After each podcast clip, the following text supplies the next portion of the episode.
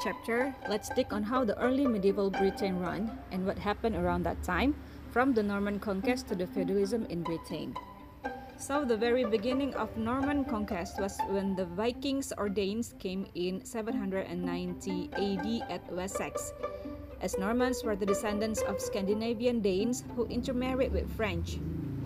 Danes overthrown the kingdom of Northumbria first at uh, 865 AD and at 870 at Wessex, then defeated by the King Alfred at 878 under Commander Guthrum.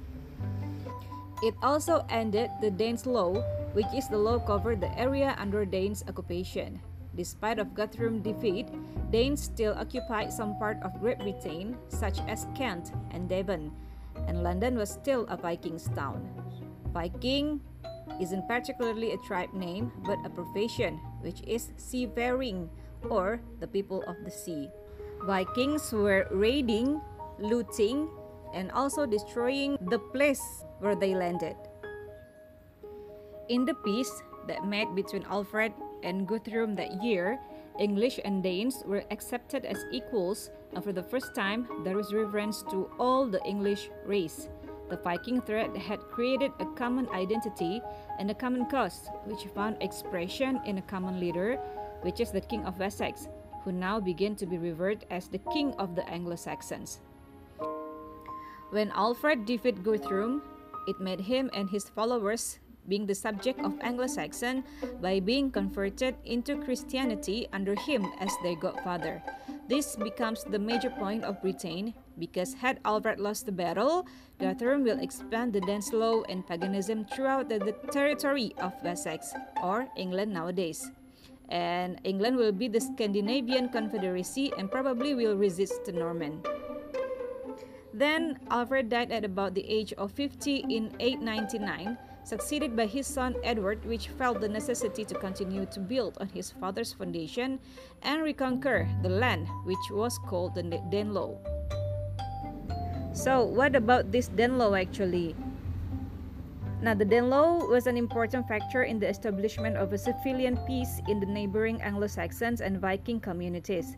It established, for example, the equivalences in areas of legal contentiousness, such as the amount of reparation that should be payable in wergild or some kind of currency.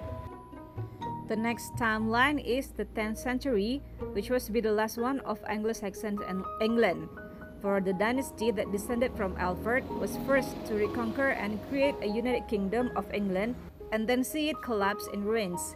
By the turn of the year 1000, when many believed that the world would end, a new wave of Vikings, the Norsemen, scourged the country. This time, one of their number became King of England. King Alfred died in 899, succeeded by his son Edward. Then, his grandson Athelstan in 924 to 39. Athelstan faced a major attack in 937 by alliance of Wales, Scott, and Dublin Viking, but he survived.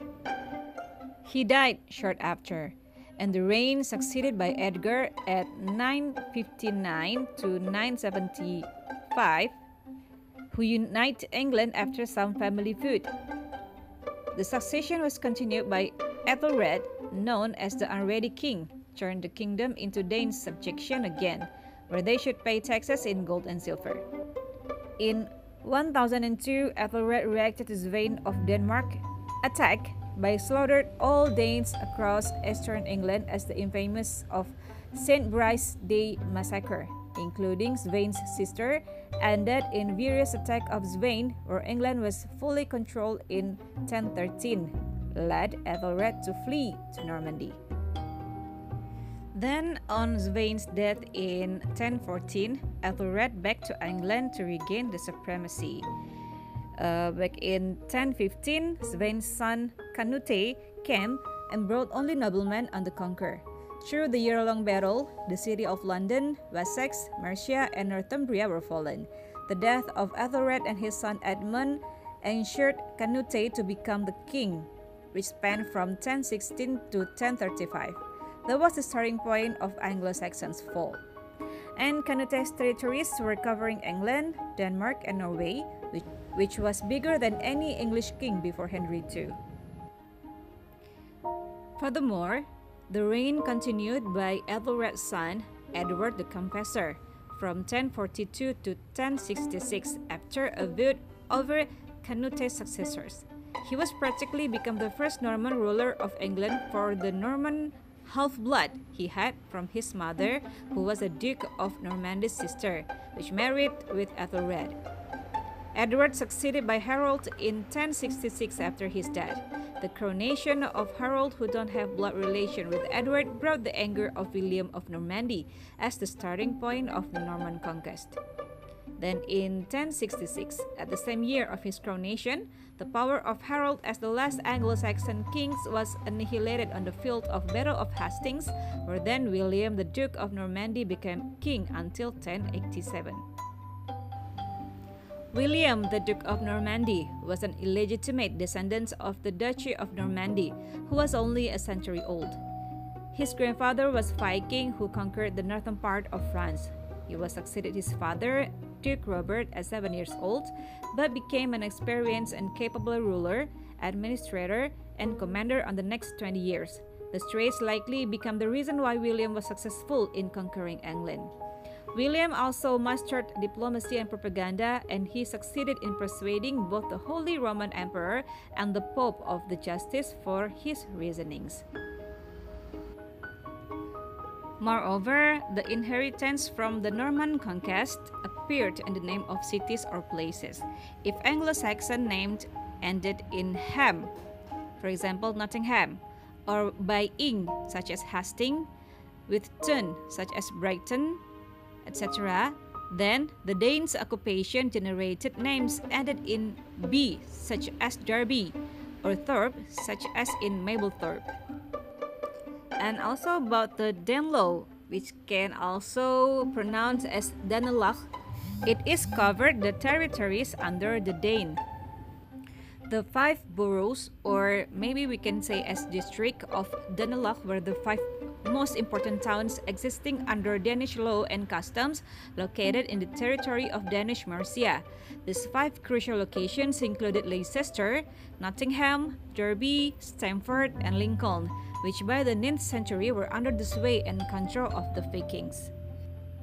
The reference of Danelagh is found in one of the most important sources for the period, which is the Anglo-Saxon Chronicles. The term essentially refers to the areas under Danish law and customs, later expanding in understanding to mean the geographical boundaries designed by the agreement. The Danelaw was at its pinnacle an all-encompassing territory which spread from London to East Anglia through the Midlands and up to the north of England. And the late 8th century, also in early 9th century was a time of action, land grabs, conquest, and raiding parties. In Northern Europe, the Vikings had set their sights on the British Isles, keen to embark on successful naval expedition in search of territory, wealth, and prestige.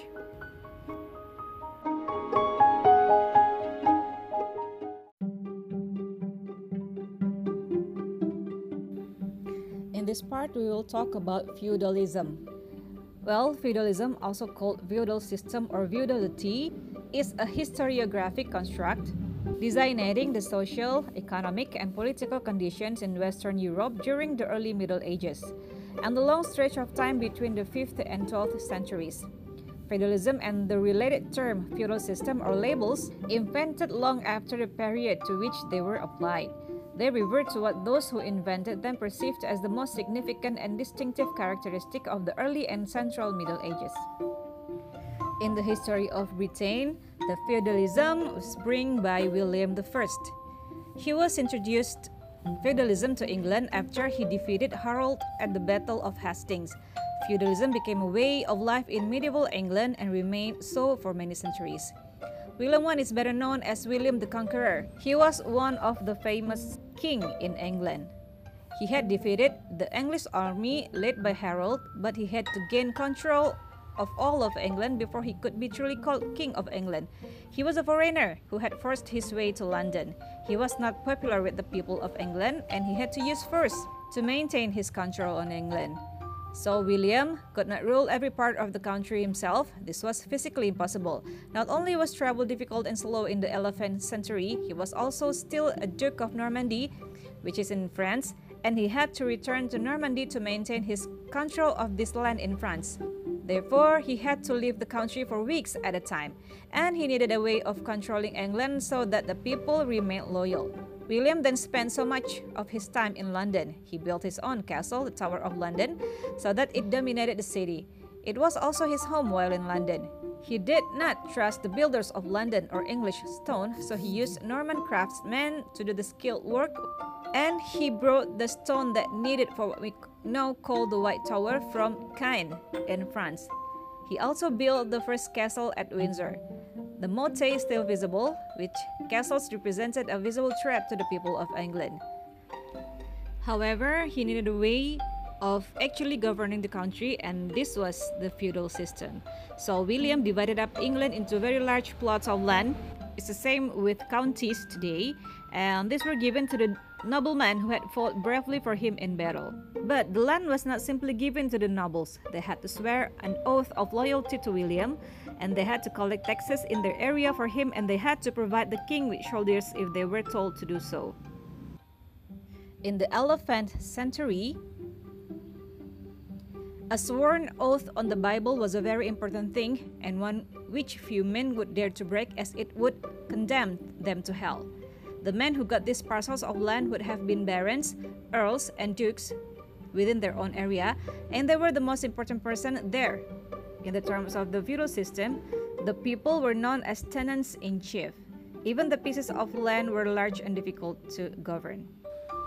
Thus, the barons, etc., had to further divide up their land, and these were given to trusted Norman knights who had also fought well in battle. Each knight was given a segment of land to govern, and he had to swear an oath to the baron, to duke, or earl, and collect taxes when told to do so, and provide soldiers from his land when they were needed. Well, these knights, then known as subtenants, and we have to note that both groups were officially tenants. Both were rent out their land in that they had to provide money or services for the real owner of all land, which is William the Conqueror. And at the bottom of the ladder were the conquered English who had to do what they were told or pay the price for their disobedience. So that was how the feudalism worked, which each level of class society should pay taxes to the higher class society in the reign of William the Conqueror.